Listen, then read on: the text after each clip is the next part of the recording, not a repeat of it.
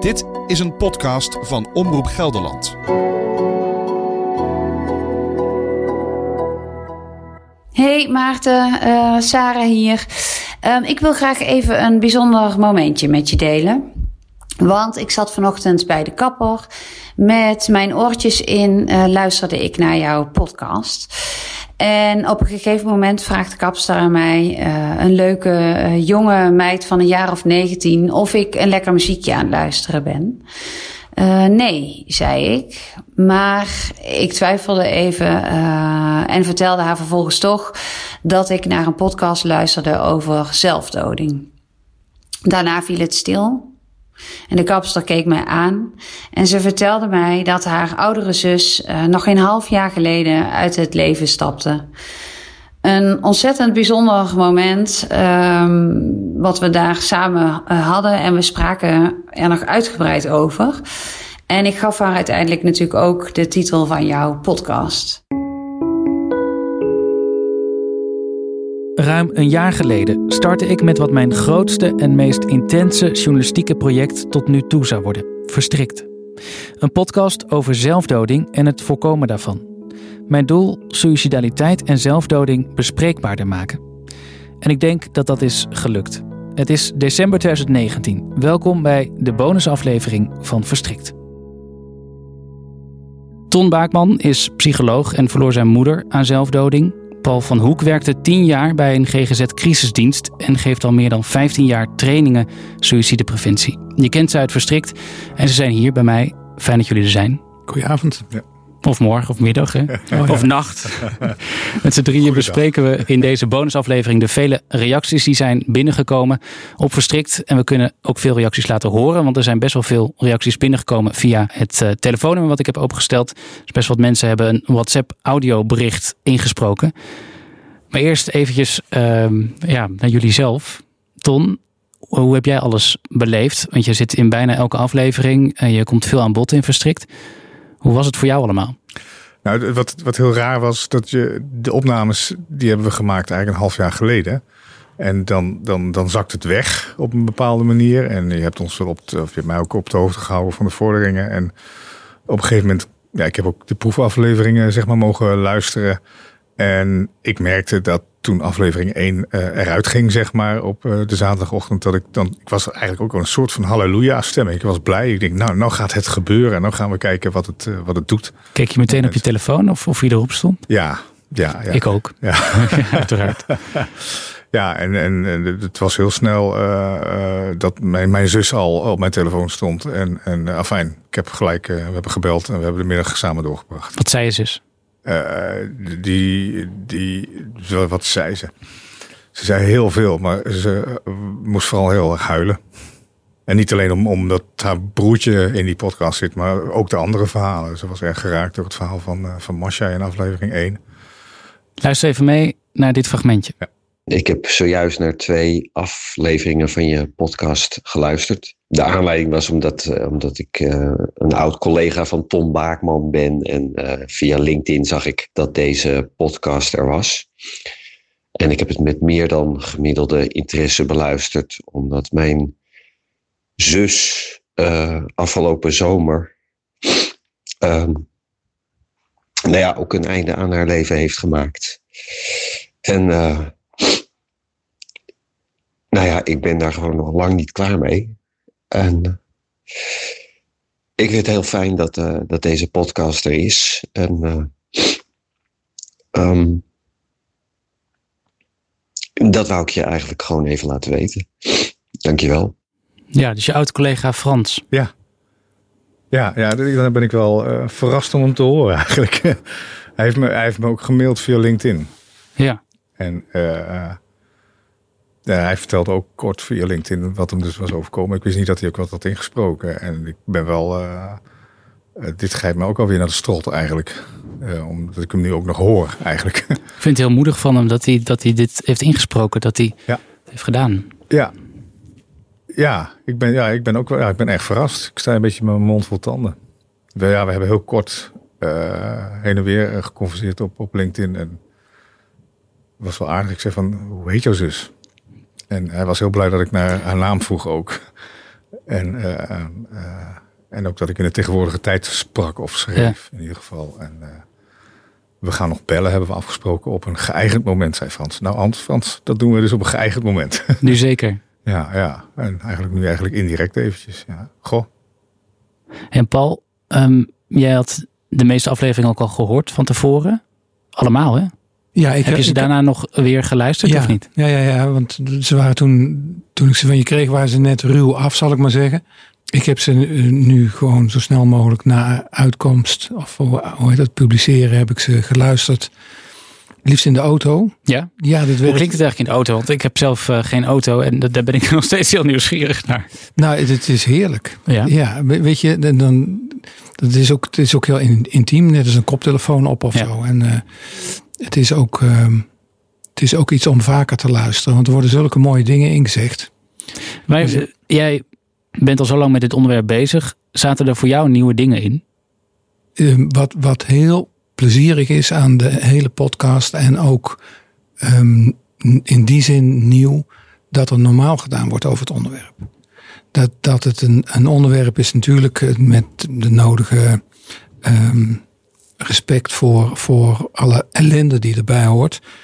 Maar vanuit heel veel verschillende invalshoeken ja, wordt je bijgepraat over wat dit onderwerp met mensen in zijn algemeenheid doet. En volgens mij is dat, dat gewoon heel hard nodig. Dat we er een beetje normaler over doen.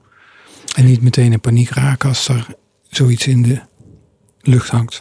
Het heeft mij getroffen hoeveel mensen gereageerd hebben ehm, via mail, WhatsApp, eh, Facebook, LinkedIn, Twitter, alle wegen. Ja.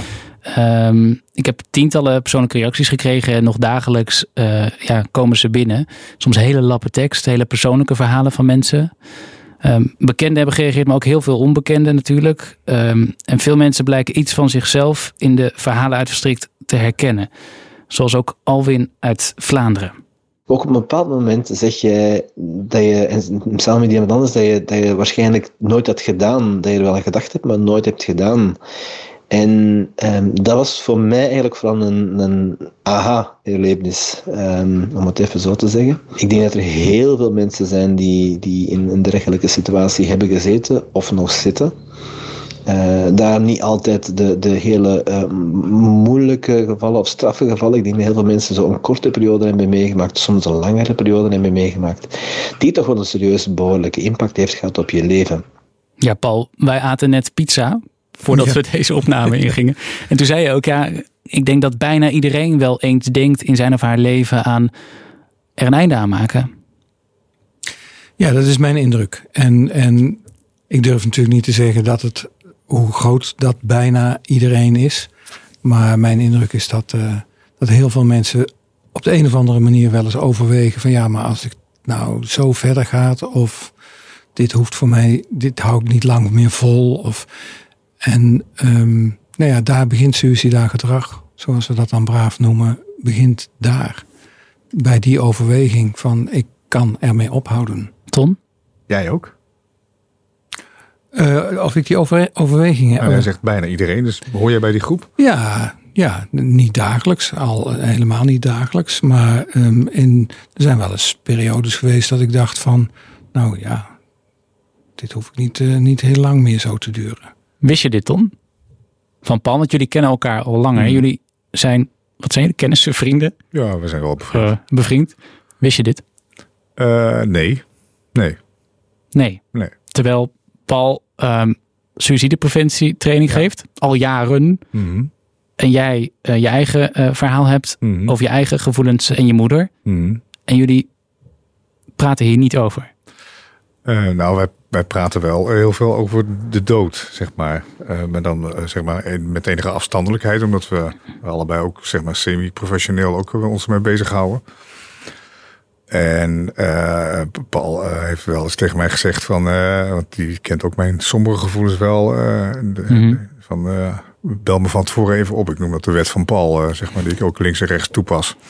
Maar andersom. Maar andersom dus niet. En ehm, nou, ik, ik, ik hoor hem nou nu Paul ook niet zeggen van, dan maak ik er een eind aan. Of dan, Hoe concreet is het geweest, Paul? precies, dat, dat is wat ik, maar je zegt, dan, dan wordt het me wel heel zwaar. Maar jij gebruikt ook niet die andere woorden. Nee, ik weet niet hoe relevant dat is, maar het schiet opeens door mijn hoofd. Dus Nou ja, zelf ben jij altijd voor duidelijkheid, Paul. Maar nog, nou gaat het over jezelf. Ik kan me voorstellen dat dat toch anders is. Ja, daar eh, laat ik me liever niet over uit. Nee, serieus niet?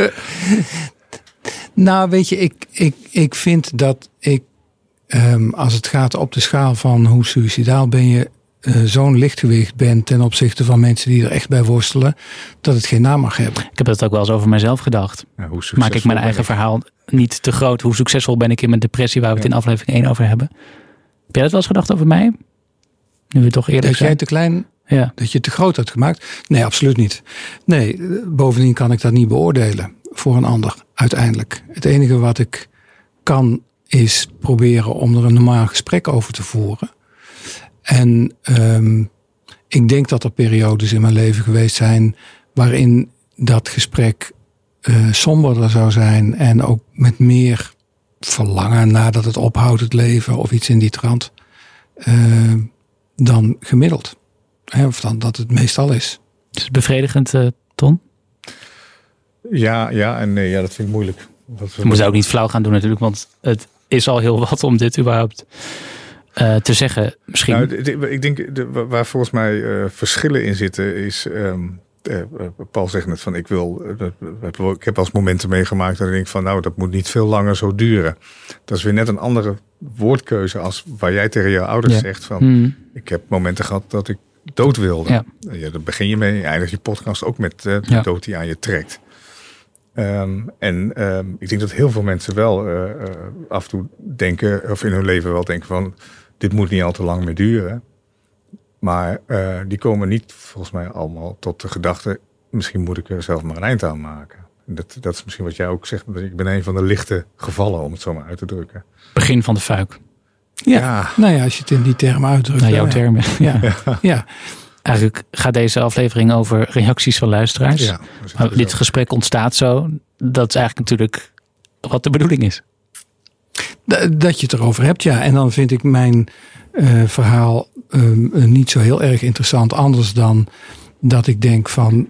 Volgens mij moet je met elkaar over dit soort dingen hebben. Ja. We gaan naar Lisbeth Mulder. Zij mailde mij. Ik merk dat veel mensen zich door verstrikt uitgenodigd voelen om hun eigen verhaal te delen.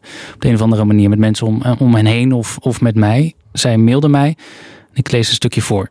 Zelf ben ik een paar keer suicidaal geweest en heb net als jij ervaren dat je er heel moeilijk met derden over kunt praten. Ik draag net als jij altijd die vraag bij me over wat het leven eigenlijk voor zin heeft. En het besef dat ik er net zo goed niet had kunnen zijn. Kunst en de natuur bieden veel troost, naast enkele hele dierbare vriendinnen. Ik ben nu 79 jaar en ga het denk ik wel volhouden tot het einde zich aandient. Ik heb nooit met mijn kinderen gepraat hierover, dus over haar suicidaliteit. Wel met mijn zusje en een dierbare vriendin. Maar dit is de eerste keer dat ik contact heb met iemand die ook heeft ervaren wat het is om suicidaal te zijn. En dat voelt heel bijzonder, ontroerend en in zekere zin ook troostrijk. Met hartelijke groet, Lisbeth Mulder. Mooi hè? Ik vond het, ja, het was een van de eerste mails die ik binnenkreeg vlak na het verschijnen van eh, de eerste aflevering. Ja, dan ben je aan het mailen met een dame van 79 jaar. Zo'n groot leeftijdsverschil en ook tegelijkertijd zoveel herkenning. En dat is dan alleen maar via de mail. Ja. Maar dat, het, het ontroerde me heel erg. Ton, waar, waar zat jij aan? Ik zie jou denken. Nou, ja, ja nee, ik, dit schiet van alles door mijn hoofd heen. Nou, omdat het leeftijdsverschil inderdaad zo groot is, Ja. maar het gevoel is dus heel universeel. Ja, ik moet eigenlijk denken aan toen ik zelf voor het eerst een, een, een, een lotgenotengroep ging. En dat Mhm. ik ook, eh, dat was dus in 19, eh, zeven- eh, 1998 eigenlijk. Een jaar. Ja, een paar maanden, na een maand of Paar vier, maanden van Dit ga ik niet redden. En dan kwam ik in een ruimte waar andere lotgenoten waren. Het begin van het weekend was dat. En dan geef je iedereen een handje en dan kijk je naar al die mensen. En dan denk je, ja, er zit niks voor mij bij. Hè? Hmm. mensen, een oudere vrouw, een eh, jong grietje, ik noem maar wat. Hè? Allemaal, eh, nou, twee dagen later eh, was ik met niemand zo verbonden als met die mensen. Omdat ze ook hun verhaal hadden eh, gedeeld. En dan zie je dus hoe universeel al die gevoelens eigenlijk zijn. Die er op een gegeven moment van Ja. komen kijken bij het rouwen in ieder geval. En eh, dat was wel heel bijzonder. En dat zie ik ook in deze brief. Dus een mevrouw van 79. Ik moest stiekem ook denken aan mijn moeder. Van, nou, Ja. had ze Mhm. de, die, die diezelfde gevoelens eh, eh, eigenlijk heeft en dat herkent en wat jij vertelt. Nou, dat is ja, vind ik ook wel een mooi iets van zo'n podcast op zo'n moment. Uh, ik hoor gelukkig dat mensen doorverstrikt uh, het gesprek aangaan Ja. met mensen om Nou, maar dat hen is, heen. dat is ook echt de kracht van die podcast, denk ik. Zo mailde iemand, mede door deze podcast heb ik de moed opgebracht om mijn zusje een kaart te sturen. Met de vraag om met haar over haar twee suïcidepogingen en die periode te spreken. Dit was 16 jaar geleden. Heel spannend. Hoe reageert ze op mijn kaart? Vandaag hebben we een paar uur gesproken en een opening gemaakt. Ik ben er nog een beetje dizzy van en zo dankbaar ook. Ik wil je bij deze hartelijk bedanken voor jouw bijdrage. Alle goeds. Dus ja, mensen ehm, Zoek hem doen er iets mee. Ja. Ja, mooi hè. Ook dank, dankzij jouw woorden. Hm. Dat weet ik wel zeker over hoe je het het beste kunt aanpakken. Ik heb daar heel veel reacties op, reacties op gekregen. Dat mensen zeggen, ja weet je, zo, dat is zo praktisch. Nou ja, wa- wat, wat ik hoop dat er duidelijk wordt, is dat het dus niet gaat over dat mensen ziek zijn of een stoornis hebben of verward zijn of wat je voor termen ook aan kunt geven. Maar dat het een onderdeel is van menselijk gedrag wat eh, nou ja, soms heel gevaarlijk kan worden. En vooral als je het er niet over hebt. Corné heeft ook geluisterd en dat heeft een kleine doorbraak opgeleverd. Ik ben Corné en ik geef mijn leven een dikke 7,5. Geniet van mijn partner, lange vriendschappen, werk en hobby's. Ik heb borderline nukken waar ik aardig mee kan omgaan. Ook met hulp van lief, werk en vrienden. Maar soms laat mijn borderline zich weer eens op een enge manier van zich horen. Elke keer dat ik zelf mogelijk uit het leven stappen overleef, krijg ik weer de mogelijkheid om een kleine stap verder te groeien. Sterker te worden, zelfvertrouwen te kennen. Maarten, ik blijf je volgen. Ik heb eh, heel veel gehad, want ik heb het ook op mijn werk bespreekbaar gemaakt. Eh, mocht je nog contact hebben met Tom, eh, doe hem ook de groeten. Ik zal hem eh later een keertje eh, ook weer eens gaan bellen van, om te vragen hoe het met hem gaat. En ik was echt eh, verbaasd en toch heel, heel mooi dat hij me toen de laatste keer gebeld heeft. Hey, groetjes. Ja, hij heeft het zo'n collega's verteld. Ja, vind ik wel reuze stoer. En jij hebt contact met hem gehad. Dus Ja, ik, hij, via Twitter, ehm, hij twittert fanatiek. ja, nogal inderdaad. en eh, nee, ook over allerlei andere dingen. Eh, hij heeft vele andere interesses ook. Maar dit, dit is ook. En hij was er heel expliciet en heel open in eigenlijk. Maar op een gegeven moment hebben we wel, ja, ik weet dus niet zo goed hoe Twitter werkt, maar wel via Twitter gemaild, zeg maar, zo noem ik het dan maar even. En- Knap hoor, op mijn leeftijd. En ehm, toen op een gegeven moment dacht ik, ja, ik ga hem gewoon bellen, want ik. Die, die- Je hebt zijn nummer gevraagd. ik, ja, ik heb zijn nummer gevraagd. Ik zei van, eh, dan- dan- laat even weten, want dan... Toen keek ik dat nummer, toen dacht ik, nou, die bel ik volgende week wel een keer. En Ja. toen zat ik kort in de auto en toen heb ik maar contact met hem opgenomen. Ik, ja, Hoe was dat? nou, dat is heel raar. want Je kent, eh, ik ken Corné niet. Hij kent jou een beetje Hij, door de ja, podcast. Precies. eh, ehm, ehm, maar het is mijn overtuiging dat je dat soort dingen gewoon moet doen. Om ehm, met elkaar eh, ja, in contact te blijven, in verbinding te blijven, waar we het eigenlijk de hele tijd over Mhm. hebben. En eh, ik heb de indruk, en dat hoor je nu ook, dat het gaat hem tussen aanhalingstekens gewoon goed. Hè? In de zin van dat hij, dat hij weer stappen heeft gezet. Eh, maar voor hetzelfde geld was dat niet zo eh, het geval geweest. En eh, dan had misschien mijn telefoontje het, zeg maar de positieve wending kunnen betekenen. Maar goed, desalniettemin, hij, hij hij heeft het eigenlijk alweer aardig op de rit. Maar hij is blijkbaar ook blij. Dat vind ik fijn om te horen, dat ik hem geweld heb. Ja.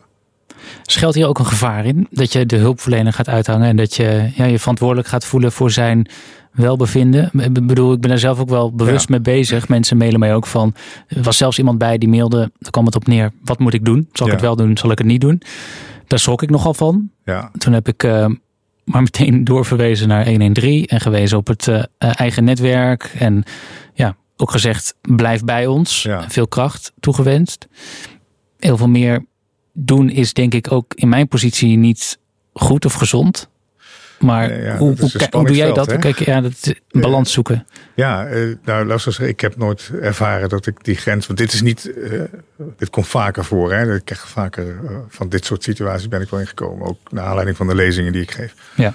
En ehm, ehm, ja, ik ben nooit in, zeg maar, in, op, op, die grens gekomen dat ik denk van nu ben ik hulpverlener. En ik ben ook geen hulpverlener. Ik, dat zeg ik ook, heb ik ook tegen collega's gezegd. Ik, als mens, als medemens kan ik met jou contact hebben.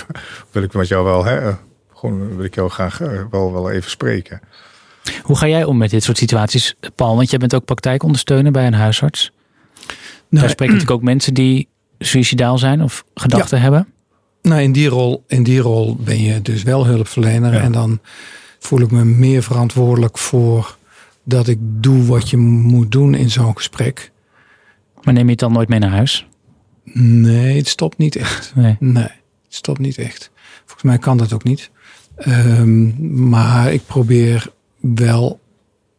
Nou ja, weet je, ik weet niet of, hoeveel interessant is om daarover te vertellen. Maar uiteindelijk op het moment dat je met iemand vaststelt hoe die op wat voor manier dat hij overweegt om een einde aan zijn leven te maken. Dan kan je ook vaststellen hoe zeker dat iemand van zijn zaak is. En mensen zijn eigenlijk altijd ambivalent. En zolang als de ambivalentie is, is het dus ook nuttig om te kijken hoe zorg ik nou dat je niet per ongeluk of expres toch uit het leven stapt. We gaan naar Meerte, die het ook belangrijk vindt om open te zijn. Hey Maarten, ik wilde even mijn waardering voor je uiten voor de podcast die je maakt. Ik heb drie pogingen gedaan om de eerste aflevering te luisteren. Ik vond het te confronterend om die rauwe verhalen te horen. Waarom? Omdat ik helaas ook ervaring heb met dit onderwerp. Depressie en zelfdoding komt voor in mijn familie en ik word daarbij ook niet ontzien. Ik ben sinds een aantal jaar open over het feit dat ik elk jaar weer depressief ben. Seizoensgebonden depressie, ook wel winterdepressies genoemd. Bij mij duurt het vaak vier maanden. Die openheid heeft me veel gebracht. Diepere vriendschappen, mooie gesprekken, gedeelde leed. Maar heeft me ook vriendschappen gekost. Het gevoel dat ik onder de loep lig, terwijl ik dat soms dus ook helemaal niet wil. Super ingewikkeld allemaal. Maar overal zou ik niet meer terug willen naar de eenzaamheid van de anonimiteit. Ja, ze wil niet meer terug naar de eenzaamheid van de anonimiteit. Maar ze wil ook niet onder de loep liggen de hele tijd. En ehm, toen ik het hoorde, toen, dacht ik, ja, dat herken ik wel. Uh, want ik lig natuurlijk best wel onder de loep. Ja. Kijk eens dat, hè? Ja. Ik heb best wel over mezelf afgeroepen. maar, maar toch um, vind ik het ook wel fijn dat dit de bonusaflevering is. En dat het hierna um, tussen aanhalingstekens klaar is. Ja. Um, de podcast die blijft natuurlijk beluisterd worden. Maar ja, weet je, in gesprekken met mensen. Maar dat zit dan ook denk ik soms in mijn hoofd. Heb ik het idee dat, dat, dat die mensen met wie ik spreek. Dat ze te denken. Oh ja, hij heeft ooit gedacht. Ik maak er een einde aan. En misschien moet ik wel daar een vraag nu over stellen. Of ja. Of maar eigenlijk. Of voorzichtig doen. Want dadelijk voorzichtig doen. Ja, ja. ja, maar volgens mij zit dat vooral in mijn hoofd. want, want ik merk dat de gesprekken die ik heb over het algemeen eigenlijk heel relaxed en, en normaal zijn. Maar het is zo gek om, als je het jaren voor jezelf hebt gehouden, dat je het dan nu deelt met Jan en Alleman, met duizenden, uh, tienduizenden mensen. Um, dat is nogal een overgang. Ja. en ik moet daar nog wel nog steeds een beetje aan wennen, ja. geloof ik. Maar merk jij dan dat mensen zo naar jou kijken? Of, of uh, kun je dat ergens uit herleiden? Of... Nee, dat zit dus in mijn hoofd, ja. denk ik vooral. Maar nou ja, ik, ik, ik heb de mensen niet gevraagd. Maar ik merk wel dat, dat vaker aan mij gevraagd wordt: hoe gaat het nu? Of uh, trek je het nog een beetje of zo? Ja. En dat vind ik eigenlijk wel fijn. Ja. ja. Zijn mensen jou anders gaan benaderen, Ton? Nou, mensen die zijn wel verbaasd gebleken over dat ik ook af en toe zelf wel eens wat, wat neerslachtig kan zijn en zo. Die, uh, dus dat, en dat is um, soms ook een understatement. Ja, maar goed, zo uh, kom uit de achterhoek, hè? Dan uh, gebruik je alleen maar understatements om je duidelijk te maken. Straks laat ik meer fragmenten horen van luisteraars. Maar eerst wil ik met jullie nog eventjes stilstaan bij alle media-aandacht die er geweest is voor Verstrikt. Ik had heus wel verwacht dat het wat los zou maken. Maar dat het zoveel los zou maken, dat had ik eigenlijk niet voor mogelijk gehouden. Um, en daarom heb ik een uh, korte compilatie in elkaar gezet. Radio 1. Potgrond. Afgelopen zaterdag werd er een nieuwe podcastreeks gelanceerd. De reeks heet Verstrikt en wordt gemaakt door de Nederlandse journalist Maarten Dallinga. Een reeks over worstelen met het leven en het verlangen naar het einde.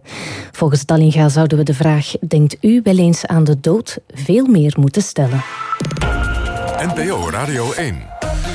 Duizenden mensen in Nederland denken erover om hun leven te beëindigen... maar er wordt nauwelijks over gepraat... en dat taboe wil Dallinga met deze serie doorbreken. Hij is bij ons, hartelijk welkom. Ja.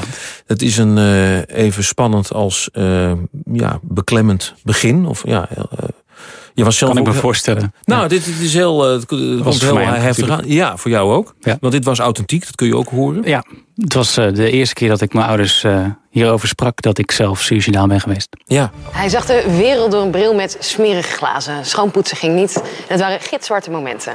Maarten Dallinga was zeven jaar geleden suicidaal... maakte er nu een podcast over. En hij vertelde het in die podcast ook voor de alle keer, de eerste keer aan zijn ouders.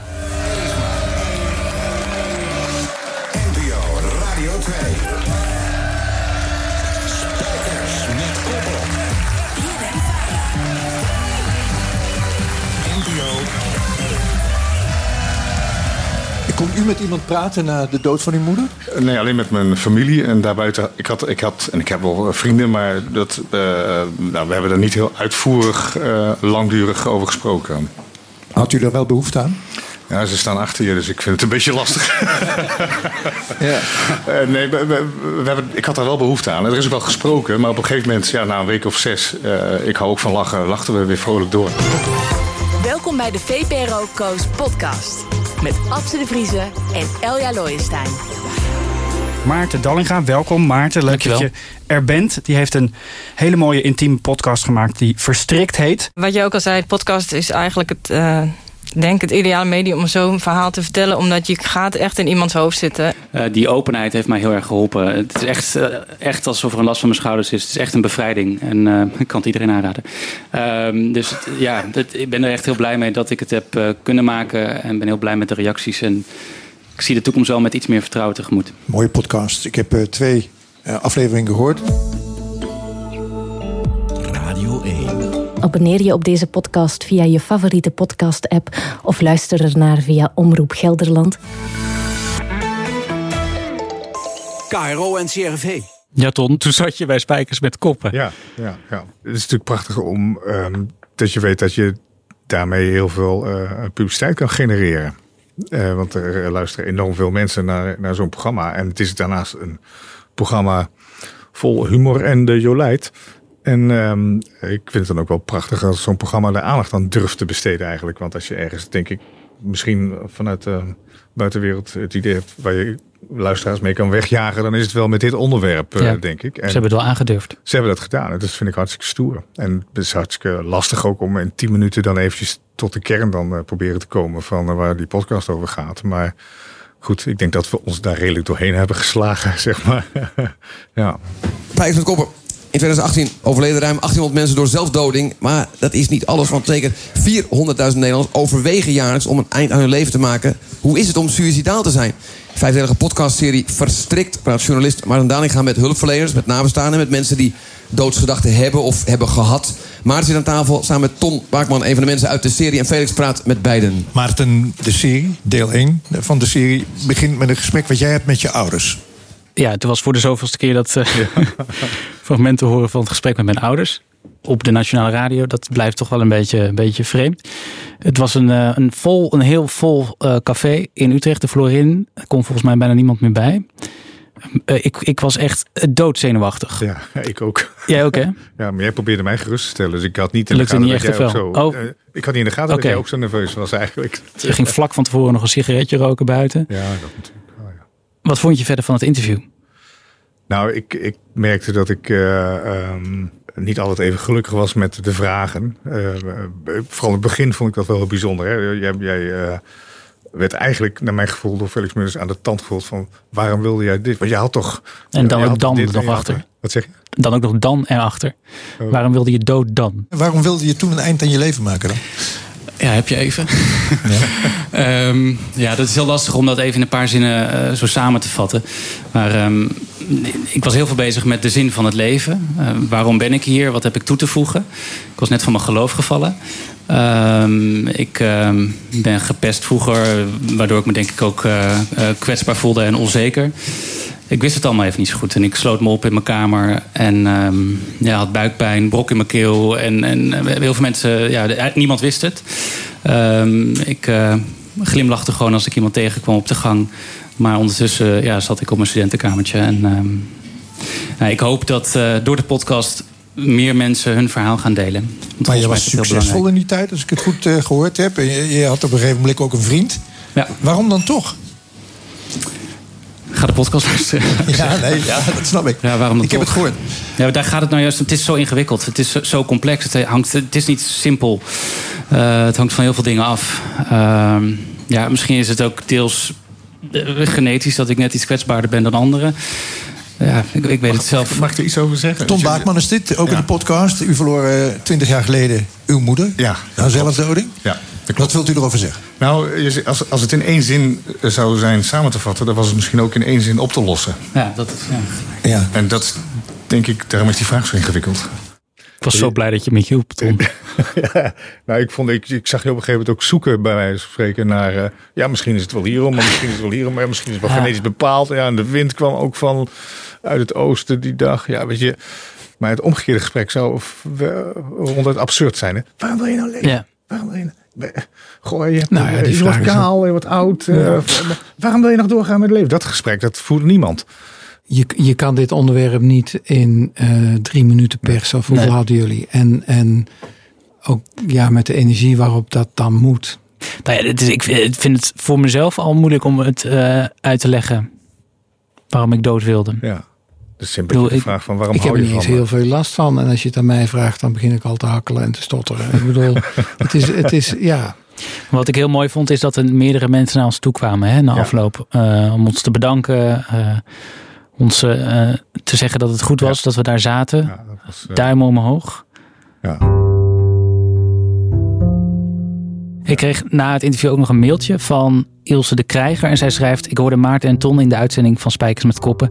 En meteen daarna ben ik gaan luisteren. Sommige afleveringen meerdere malen. Dat schreven trouwens meer mensen. Uh, zelf ben ik mijn partner ruim vier jaar geleden verloren aan suïcide. Na ruim twintig jaar samen zijn. Alle boeken rondom dit onderwerp heb ik gelezen om inzicht te krijgen en ermee om te leren gaan. Vele gesprekken gevoerd, verre reizen gemaakt met mijn dochters naar de andere kant van de wereld. Op stilte-retretes gegaan en in een impuls een zwerfhond uit Sardinië geadopteerd.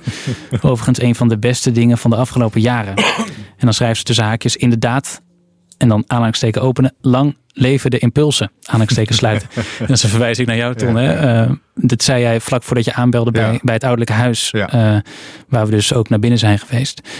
Heb jij nog contact gehad met de huidige bewoners? Ja, we hebben ook even een kort mailtje van hebben jullie het. eh, ik heb gevraagd of ze de podcast aan het luisteren waren. Ja. Ze waren ze, en ze waren onder de indruk ook. Oké. Ja. Ze schrijft verder: Ik moest en zou overeind blijven en verder gaan. En toch kwam vorig jaar de klap. En was mijn hond gelukkig daar om me uit de donkerste dagen mee naar buiten te trekken. En in stilte eindeloos door de uiterwaarden te wandelen. Zoveel herkenning in de woorden van Ton Baakman en de ouders van Paul Kruk. Inderdaad, het wordt nooit meer zoals het was. Maar inmiddels kan ik in de beslotenheid die ik soms zelf kies. rustiger ondergaan wat er is gebeurd. Snappen doe ik het nog steeds niet. En nog steeds word ik op momenten in beslag genomen door schuldgevoel, verdriet, gemis en leegte.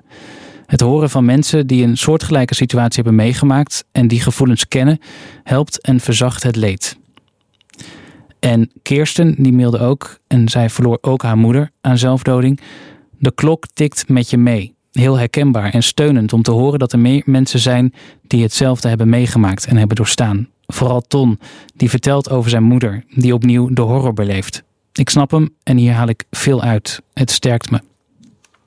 Dat is mooi. Ja, nou,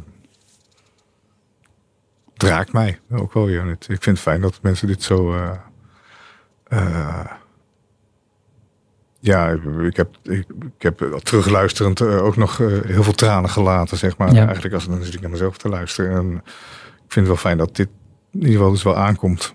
Zijn die tranen ook zijn niet, niet voor niks geweest, zeg maar. En wat ik ook bijzonder vind is dat eh, best wat hulpverleners eh, hebben gereageerd, ook via allerlei wegen. Zoals ook Jani van Dijk. En zij is klinisch psycholoog en psychotherapeut. En ze sprak een bericht in via WhatsApp. Beste Maarten, ik was geraakt door je verhaal in de NRC en door je podcast. Ik heb je artikel op LinkedIn gedeeld met mijn netwerk van psychotherapeuten en psychiaters. Ik raad ook patiënten aan te luisteren. Ik vind dat je integer en invoelbaar en ook met een heldere blik, met wat afstand, vertelt over pijnlijke, schaamtevolle ervaringen. Het lijkt me dat je met je verhaal onderstreept wat je zo geholpen heeft. Dat het zo belangrijk is dat je gezien en gehoord wordt, zeker als je zo in nood bent.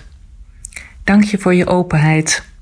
In één dag is de post al 1200 keer bekeken door collega's van mij. Dat worden er vast meer. Met respect en groet, Jani van Dijk, klinisch psycholoog, psychotherapeut. Ik word daar een beetje verlegen van dat zorgverleners zeggen: ik ga het aanraden aan mijn cliënten, patiënten. Uh, ja, dat vind ik heel eervol. Terwijl ik dan, dan denk ik tegelijkertijd: ja, maar jij hebt een heel goed boekje geschreven. Moet ik die misschien ook gelijk aanraden? Ja, hulpverleners lezen niet. Eigenlijk zegt u dat u dood wilt, heet dat boekje trouwens. Ja. ja. Ook deze psychiater reageerde. Hoi Maarten, mijn naam is Nina Sylvester en ik ben psychiater in Amsterdam. En ik heb in mijn werk veel te maken met mensen die suicidaal zijn. Uh, en ik heb ook in mijn persoonlijke omgeving meegemaakt dat mensen een eind aan hun leven maakten. Uh, of met suicidale gevoelens worstelden. Dus ik weet, ik weet hoe moeilijk het is om het erover te hebben. Maar ik weet tegelijkertijd ook hoe belangrijk het is om het gesprek wel aan te gaan. Dat is de eerste en de allergrootste stap uh, om hulp toe te gaan laten. En om hulp te gaan zoeken. En um, ik denk dat dat een heel belangrijke boodschap is, die ook heel erg mooi en heel genuanceerd uh, ja, tot zijn recht komt in, in jouw mooie podcast. Ja, zij zegt dat ze het genuanceerd vindt. Nou, ben natuurlijk veel bezig geweest met de aanpak en het effect wat het zou kunnen hebben. Um, en ook wel steeds zat ik in mijn hoofd, ja, wat zal Paul uh, ervan vinden? echt waar. Je hebt mij ook scherp gehouden. Want ik weet nog heel goed dat toen ik jou interviewde bij jou thuis uh, op je werkkamer, dat je toen achter de computer zat even om iets op te zoeken of zo. En toen zei je, uh, een beetje zo tussen neus en lippen door, is het trouwens mogelijk om alle afleveringen van tevoren te beluisteren? En um, toen was ik wel even verrast omdat ik dacht, ja, dat is eigenlijk niet heel gebruikelijk om dat zo te doen. Um, maar ik vond het ook eigenlijk heel snel uh, heel fijn. Omdat ik dacht, ja, uh, dat is goed dat jij het beluistert. Um, en je zei het ook vrij resoluut. dat was er geen ontkomen was geen aan. Vraag. Dat was geen vraag. Um, later vroeg ik me nog daarover af. Heb je dan ook negatieve ervaringen met journalisten op dit gebied? Nee, niet persoonlijk. Wat ik wel weet is dat hoe je bericht over suicidaal gedrag maakt uit. Ik bedoel, het er niet over hebben, dat is ongeveer de gevaarlijkste actie die je kunt ondernemen. Maar um, het romantiseren van suicidaliteit, het een, een beetje stoer maken, dan had ik dat bij jou niet verwacht hoor. Maar ik, ik, ik, ik had wel de behoefte om het van tevoren te horen. Ik denk van als er dingen in zitten waar je, wat je beter niet kunt zeggen, dan wil ik het daar graag met je over hebben. Maar goed, het was gewoon niet nodig, want het is een prachtig verhaal. Dat knip ik eruit. Je hebt, uh, nee, dat moet je niet doen. Oh, nee. Dus, dus, okay. Ja, en ook in Vlaanderen luisteren dus mensen naar Verstrikt. Ik heb zelf lang getwijfeld van, ga ik luisteren of niet? Gaat dat niet te zwaar zijn? Um, maar ik dacht dan, ja, proberen waard. Ik kan altijd op stop doen als het nodig is. Ik heb er eigenlijk echt een, uh, heel veel deugd aan gehad. Het heeft een goed gevoel gegeven. Het heeft het onderwerp voor mij echt uit de taboesfeer gehaald. Ik heb ook het gevoel dat er nu over kan gepraat worden. Dat, ja, ik had er gewoon een warm gevoel over. Ook de manier van opbouwen, de verschillende mensen die je eigenlijk leert kennen met een, elk een eigen verhaal. Um, zelf ben ik huisarts en ik was wat benieuwd naar de laatste aflevering over um, de geestelijke gezondheidszorg. Ook zeker om jullie Nederlands systeem beter leren kennen. En ik was eigenlijk geschrokken, want ik dacht dat jullie in Nederland er al in geslaagd waren om de geestelijke gezondheidszorg en, en, taboe rond uh, ja, psychotherapie, psychologen, um, spreken over onze geestelijke toestand, als ik het zo mag noemen. Uh, ik had gedacht dat dat bij jullie al veel meer uit de taboesfeer was, maar ik schrok er toch van hoe dat, hoe dat dan het onderwerp suïcide toch nog zo in de taboe-nevel zit. Ik ben ervan overtuigd dat je heel veel mensen uh, hiermee geholpen hebt. En ik hoop ook dat je jezelf er ook wat mee vooruit geholpen hebt. Ja, mooi hè, dat, wat, wat ze als laatste zegt. um, maar ze, ze heeft het ook over de taboe-nevel. Zij kijkt natuurlijk vanaf een afstandje naar Nederland. Zij zegt een buitenstaander. Uh, dat vind ik wel heel interessant, heel ander perspectief. Ja, zij had dus verwacht, ja, die Nederlanders zijn hartstikke open, direct, eerlijk. Uh, daar wordt uh, veel makkelijker over dit onderwerp gepraat dan bij ons in Vlaanderen. maar niets blijkt minder waar.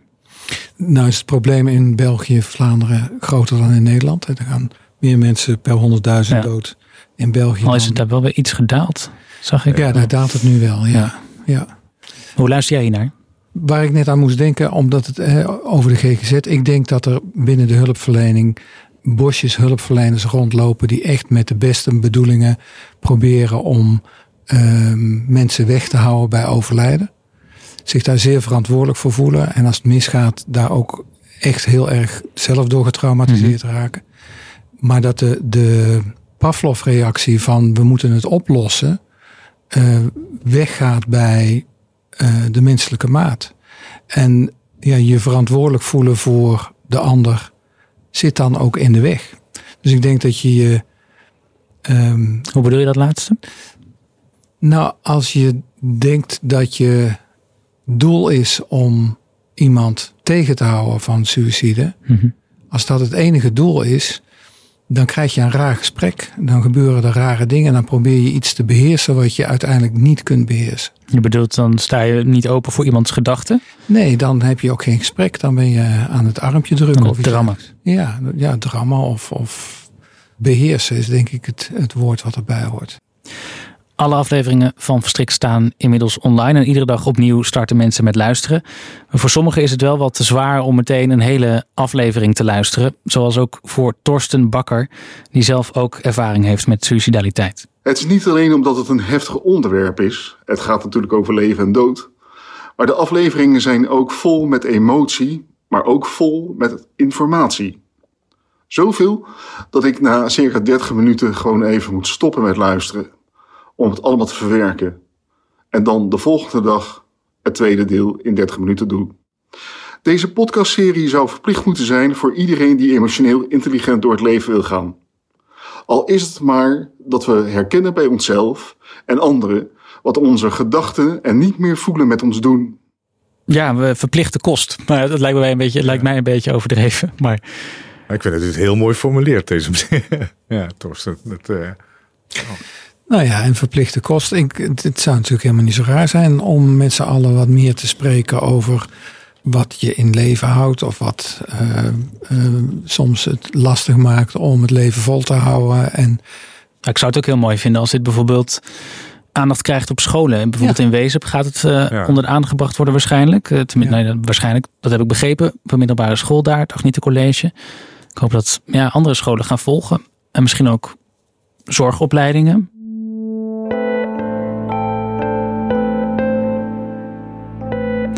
Ton en Paul, dit zijn de laatste paar seconden van Verstrikt. Is er nog iets wat je wilt delen, dan kan dat nu. Eh, straks niet meer. En straks gaan we gewoon door. Dus we, bl- we blijven met dit soort dingen delen. En jij hebt een mooie start gemaakt om dat, eh, om dat eh, over dit onderwerp vaker en beter te doen. Tom, wil jij nog iets zeggen? ja, ja, ja. het in de- in- Niet te veel complimentjes.